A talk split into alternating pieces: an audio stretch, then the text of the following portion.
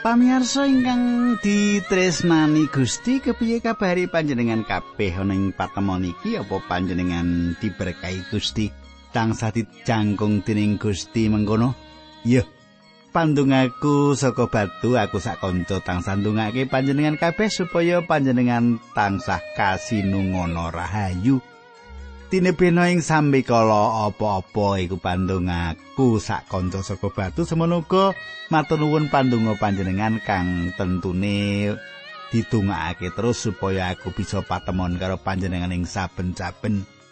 Kaya padatan aku pendeta pujianto bakal bebarengan karo panjenengan ing sawetara wektu iki ana ing sajroning adicara margi utami adicara kang wis dadi kelangenan panjenengan ing saben-saben panjenengan anti-anti Awit saka iki monggo panjenengan nyerak aku kene supaya apa sing ndak aturake marang panjenengan panjenengan bisa nampa kanthi cetha. Sugeng midhangetake adicara iki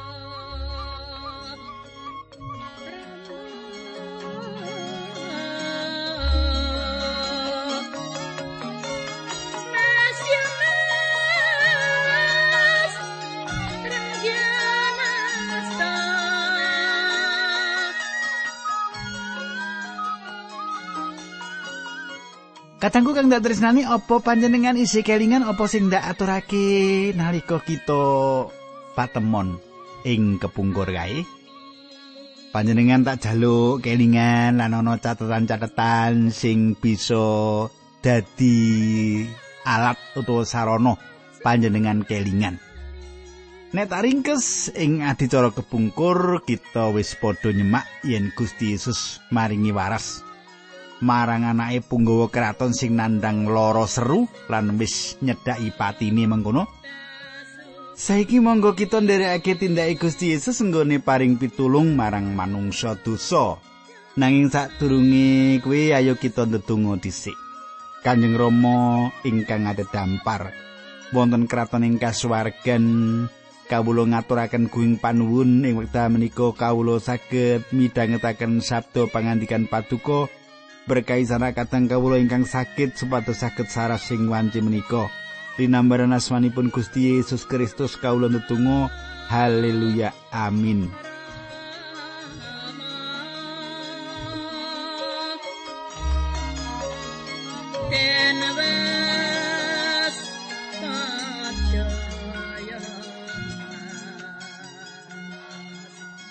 Kadangku kang ndek tresnani kita wis miwiti ngancik ing Injil Yohanes pasal 5. Ing pasal iki bakal kita semak lelakon-lelakon indah nalika Gusti Yesus ngusadani marasake wong lempoh ing blumbang Bethesda. Panjeneng lelakon mukjizat iki yen dideleng saka untung lan rugine kaya-kaya ana perangan sing malah ndadekke wong-wong sing ora percaya padha nglawan marang Gusti Yesus Kristus. Wong-wong iki nggone sengit marang Gusti Yesus ora tau lermatine nganti tumeka panjenengan Gusti kita Yesus Kristus dipaku ing pamentangan. Coba panjenengan sema Yohanes 5 ayat 16 nganti 18. Mergo saka kuwi para panggedhine mau padha arep nganingoyo Gusti Yesus sebab panjenengane wis marasake wong ing dina sabat. Nanging Gusti Yesus ngendika marang wong-wong mau, "Ramaku ora kendhat nyambut gawi. Mulane aku ya wajib tansah nyambut gawi." Pangandikane sing mengkono mau marakake para panggedhe Yahudi saya nemen nggone ngarah sedani Gusti Yesus. Nggone padha tumindak mengkono mau ora mung mergo Gusti Yesus nerak prenatane dina Sabat nanging uga mergo panjenengane ngendika yen Gusti Allah kuwi ramane kuwi ateges yen panjenengane madhake sarirane karo Gusti Allah. Katangku, padudon antarane Gusti Yesus karo wong Yahudi dijalari perkara dina Sabat. Wong-wong mau ora tau lega atine lan bisa ngapura marang apa sing ditindakake Gusti Yesus ing dina Sabat iku. Wong-wong nggone sengit prasasat mucuk ri. Mucuk ri kuwi sengit banget jalaran saka pangandikane Gusti Yesus ing Markus loro ayat 17 mengkene surasane. Gusti Yesus mbacotake pangandikane dina sabat kuwi gunane kanggo menungso, ora kok menungso kanggo dina sabat. Katangku, Mukjizat sing ditindakake Gusti Yesus nuwuhake urup kanepson wong Yahudi malah nganti ngrantam Gusti Yesus bakal disedani. Kejaba nggone sengit marang Gusti Yesus perkara dina Sabat, kawuwan nggone Gusti Yesus ngakeni yen panjenengane iku Allah. Pengaken iki sawijine pengaken sing dingendikake kanthi gamblak. Ayo kita mbeleni saka wiwitane pasal iki, pasal iki kawiwitan anane riyaya bangsa Yahudi. Ana riyaya apa ing antarané bangsa Yahudi bisa uga lagi ngriyayake dina Paskah. Ana telung pitakonane bangsa Yahudi ing kitab andaraning Torat bab 16 ayat 16. Wong lanang ing Israel kabeh kudu sujud marang Allah ing papan pangibadah kono setahun ping telu. Ya kuwi ing dina riyaya Paskah, riyaya panen lan riyaya tarub godhong. Saben wong kudu nggawa sesausan. Katangku kita semak saka pasal iki ayat siji nganti telu. Yohanes 5 ayat 1 nganti 3 mengkene surasane sawise kuwi beneri riyayane wong Yahudi. Gusti Yesus tindak menyang kutha Yerusalem. Ing kutha Yerusalem kono ing sacedhake gapura sing karan gapura wedhus ana blumbangi. Ing basa Ibrani blumbang mau diarani Bethesda. Blumbang mau dikubengi emper limo. Emper mau kebak wong sing padha gumletak ana sing buta ana sing pincang lan ana sing lumpuh wong kabeh mau padha ngenteni banyune blumbang mau kocak kadangku lelakon iki dumadi ing satedhake blumbang Bethesda sing tegese omah saitun utawa omah sing kebak sih rahmat blumbang iki duweni emperan limo dadi gedhe banget ya ing emperan-emperan iki akeh banget mong ana ing kono Tembung kebak wong iku saka basa asline akeh banget. Piro cacahe ora ketung. Lan wong akeh mau nyatane wong-wong sing lara, wong-wong sing ora duweni kekuatan. Ayat papat iki ora ditulis ing naskah asline. Nanging ayat iki bisa njelasake marang kita kanggo apa wong-wong mau padha nglumpuk ing emperan Bethesda. Ayat papat sebab ana malaikate pangeran sing mudhun menyang blumbang mau sarta ngocakake banyune yen banyune lagi kocak wong loro sing dhisik dhewe nyemplung ing blumbang bakal mari ora peduli apa larane Kadangku ayat iki njelasake kena apa wong-wong sing lara padha ana ing kono. Ana kapercayan yen banyune blombang iku kocak-katik. kocak ateges ana malaikat sing medhun ing blumbang iku nggoyak-uyak banyune. Bisa wae nggone padha waras iku jalaran bab kajiwan wae psikologis. Gusti Yesus isih nindakake mujizat nganti tumekane dina iki kaya wong-wong sing padha rumangsa waras jalaran padha nyemplung ing blumbang Bethesda. Sanyatane nggone padha waras iku ora jalaran saka kocake banyu mau.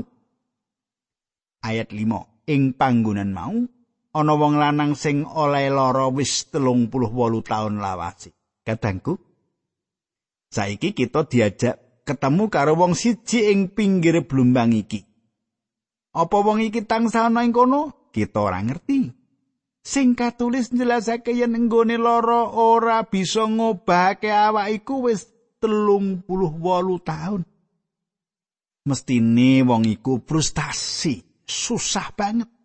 Umure mesti wis luwih saka 38 tahun. Penyakit sing dilakoni iki jalaran saka dosane dhewe. Ing ayat 14, sawise kuwi Gusti Yesus nuli ketemu karo wong sing diwarasake mau ana ing pedalemane Allah. Panjenengane banjur dawuh marang wong mau, "Kowe saiki wis waras. Mulane dingati-ati aja gawe dosa meneh." menawa kowe gawe dosa meneh kowe bakal ngalami sing luwih abot ketimbang karo sing kok alami saiki. Kadangku coba panjenengan penggalih. Wong lanang iku wis telung puluh wolu taun turun ana ing kono. Lan mripate menteleng nggone ngawasake banyu ing blumbang Bethesda. Gusti Yesus wis pirsa yen larane wong mau wis taunan nunggu golek waras ana ing kono. Kanthi kawibawane Gusti Yesus nyedhaki wong mau lan ngendika, "Kowe saiki wis waras. Mulane dingati-ati aja gawe dosa meneh. Menawa kowe gawe dosa meneh, kowe bakal ngalami sing luwih abot ketimbang karo sing kok alami iki." Ayat 6. Gusti Yesus pirsa wong mau gumletak ana ing kono lan uga pirsa yen wong mau oleh lara wis suwe banget. Mulane Gusti Yesus ngendika marang wong mau, "Apa kowe kepengin waras?" Katengku, iki pitakonan sing aneh yen diajakake marang wong sing lagi lara. Jawabane cetha mesti dheweke kepengin diwarasake. Iya ta? Nggone Gusti Yesus paring pitakonan marang wong lara iki ana rong alasan. sing sepisan kanggo nuwuhake pengarep-arep marang wong iki sing kapindho iki sing wigati Gusti Yesus ngersake supaya wong iki pengarep-arepe ora menyang banyu kota ing lumbang nanging marang panjenengane. Sajake wong lanang iki ora tau tumindak apa-apa kejaba mung nyawang marang banyu blumbang Bethesda iku. Mula Gusti Yesus maringi pitakonan sing nggregahake atine. apa kowe kepengin waras kiraku wong iku banjur noleh lan mripate nyawang Gusti Yesus lan ing atine ana pitakonan sapa to wong iki ora nganggo wektu kanggo mikir meneh dheweke matur inggih saestu kula kepengin saras nanging isih ana perkara sing kudu ditindakake sapa sing bakal nyegurake aku ing blumbang yen pinuju kota? Ing jaman saiki akeh wong sing kanane kaya wong lanang sing ana pinggir blumbang mau. Nunggu apa sing ngarep kedadean? Nunggu lan nunggu ngenteni lan ngenteni. Ing gereja saben wong sing padha ngabekti nunggu ngenteni supaya ana kedadean sing nyenengake temakatine padha kebak kabungahan nuli ana wong sing tansah semaya kanggo nampani Sang Kristus ing uripe Wong-wong iki padha ora inggal gelem bali ing pangkone Gusti sebab atine lagi goleki sing ora cetha sing bakal kedadian. Harak lucu to, ana sawetara wong-wong sing underane pikire mung nggone bisnis golek untung wae. Kepriye supaya inggal sugih? Wong-wong iki katrem ing perkara kadonyan. Iki kabeh nutupi paningale kanthi mengkono Gusti Yesus ora katon kepikir ing atine. Mesa ben wong padha duweni ciri dewi-dewi kaya sing ndak aturake ing ngarep mau. Kabeh padha ngenteni lan mandeng ing sawijine titik sing ora cetha. Malah ana sing keblate marang manungsa, tujuan sing salah, bisa wong sing salah utawa kahanan sing salah. Apa panjenengan uga duweni pengarep-arep sing salah? ayat pitu wong kuwi nuli matur guru kula menika mboten gadah rencang ingkang saged nyemplungaken kula wonten ing blumbang semongso toyanipun blumbang menika kocak mboten wonten ingkang saged nyemplungaken kula ing blumbang lan salebetipun kula sawek nyobi badhe nyemplung ing blumbang sampun wonten tiang sana singkang rumiyini kadangku ah Nyedhake banget cerita iki. Wong iki duweni mangarep-arep supaya ana wong sing bisa nulung nyegorake dheweke ing blumbang nanging ora ana wong sing tetulung babar pisan. Gusti Yesus uga ora ngersakake paring pitulungan wong iki kanggo nyegorake ing blumbang Bethesda. Gusti Yesus ngersakake wong lanang sing lara iki supaya lunga saka pinggire blumbang kono. Nalika wong lanang mau nyawang marang Gusti Yesus ana kedadian sing gawi gawuk ing atine sing dadi gumune atine. Yohanes 5 ayat 8 Gusti Yesus nuli ngendika marang wong mau tangyo mlaku kelasamu gawanen katangku ngedapi-dapi Gusti Yesus paring dawuh marang wong sing lumpuh kuwi supaya tangi supaya ngadeg supaya ngangket rasane supaya mlaku ngeram eramake. Sing ora lara wis ora ana panggonan maneh ing kono wong lanang iki wis waras wis mari saka larani. Ayat songo nganti telukas Sanalika wong mau dadi waras banjur mlaku karo nggawa kelasane kelakone kuwi mau ing dina sabat. Mulane para panggedhe Yahudi ngaru-arui wong sing mentas diwarasake mau, saiki dina sabat kowe ora kena nggawa klasa kuwi nerak pernataning agama. Nanging wong mau mangsuli kula dipun kengken tiang ingkang nyarasaken kula dawuhipun mlaku lan klasamu gawanen. Sapa wong sing ngakon kowe mlaku lan klasamu gawanen? Pitakoni para panggedhe marang wong mau. Nanging wong sing diwarasake mau ora ngerti sapa jenenge sing marasake dheweke sebab ana ing kono wonge akeh banget lan Gusti Yesus wis njlimpet ing antarané wong akeh lan tindak saka kono. Kadangku ing kene para mungsuhe Gusti Yesus nuli nibake pandak. Wo yen wong sing ngangkat gulungan kelasane iku ing dina Mongko iku sawijine tandha yen wong lanang mau wis waras saka larane. Apa panjenengan bisa ngarasake lucune yen para pemimpin agama iku dadi padha nesu jalaran wong ngangkat tasan ing dina sabat? Hal wong wis waras kira yo. Yo syukur le kowe wis waras rak ngono. Yohanes 5 ayat 14. Sawise kuwi Gusti Yesus nuli ketemu karo wong sing diwarasake mau ana ing pedalemane Allah. Panjenengane banjur dawuh marang wong mau kowe saiki wis waras. Mulane dingati-ati aja gawe dosa meneh menawa kowe gawe dosa meneh kowe bakal ngalami sing luwih abot ketimbang karo sing kok alami saiki. Ayat 15 wong mau nuli lunga banjur kondo karo para pengedine bangsa Yahudi yen sing marasake dheweke kuwi Gusti Yesus. Ayat 16 Mergo saka kuwi para panggedhe mau padha arep nganiaya Gusti Yesus sebab panjenengane wis marasake wong ing dina sabat. Kadangku kang dak tresnani. Gusti Yesus marasake wong loro secara jasmani ing pinggire blumbang Bethesda nanging uga marasake wong sing jiwane lara ing pedalaman suci.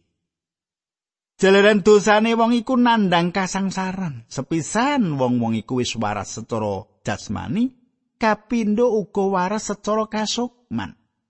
Nuli wong mau kenal sapa to Gusti Yesus sak benere ing pinggire blumbang iku akeh wong sing lara padha nunggu ngalap berkahi blumbang nanging ora kabeh sing diwarasake. Dina iki uga akeh wong sing ora diwilujengake Gusti Yesus. Apa Gusti Yesus ora kersa paring kawilujengan marang wong-wong mau? Mesti wae Gusti Yesus kersa. Nanging wong-wong mau padha ora. Wong-wong mau padha ora ndeleng marang Gusti Yesus. Ya kahanan iki sing ndadekake wong-wong mau sangsaya sengit marang Gusti Yesus. Ora mung sengit nanging malah ngrantam kanggo nganiaya banjur yen bisa disedani.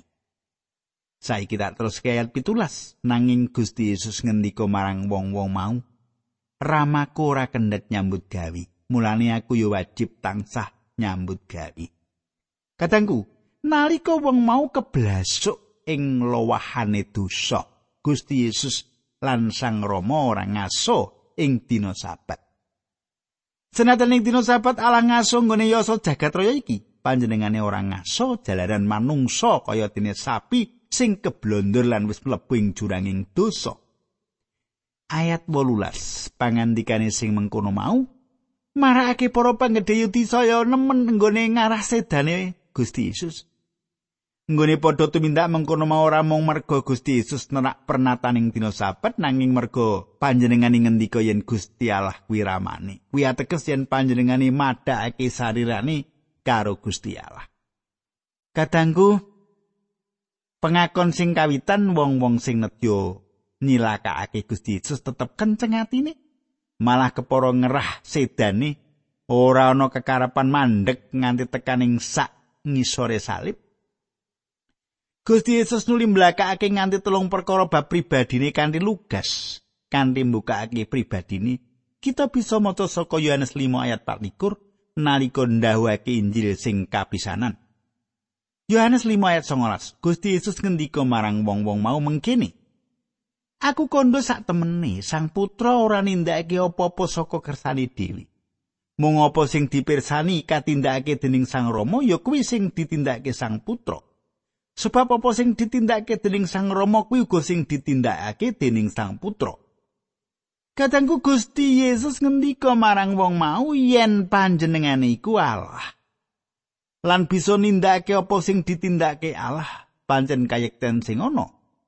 Allah Sang Rama lan Allah Sang Putra nindakake samubarang kanthi laras ora ana tumpang suh lan kebak ing keselarasan sing sempurna. Mula apa sing didhawakake dening wong-wong sing sengit marang Gusti Yesus iku ora klebu nalar. Sang putra ora tau cengkah karo kersane Sang Rama lan apa sing dadi kersane Sang Rama ora beda karo kersane Sang Putra. Gusti Yesus nindakake apa sing dikersakake Allah Sang Rama. Gusti Yesus bisa paring pangapura ne dosa. Banjur Gusti Yesus ngendika yen ana sesambungan pribadine Allah Sang Putra lan pribadine Allah Sang Rama. Ayat 20 lan selikur. Awit Sang Rama ngasihi Sang Putra, Sang Rama mau nedahake sabarang sing ditindakake piyambak marang Sang Putra. Malah Sang Rama bakal nedahake perkara-perkara sing luwih gedhe meneh marang Sang Putra nganti kowe padha gumun. Pengakon kaping kalih ayat 21.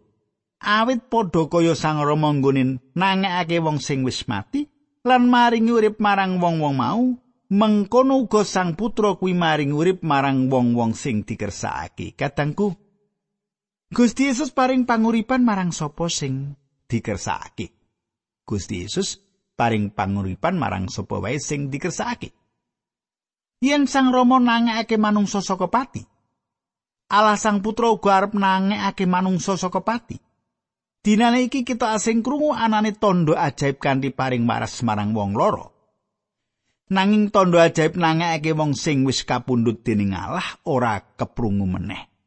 Paulus tau nangekake wong mati semono Simon Petrus uga tau nindakake. Gusti Yesus maringi ganjaran kasukman marang wong-wong mau.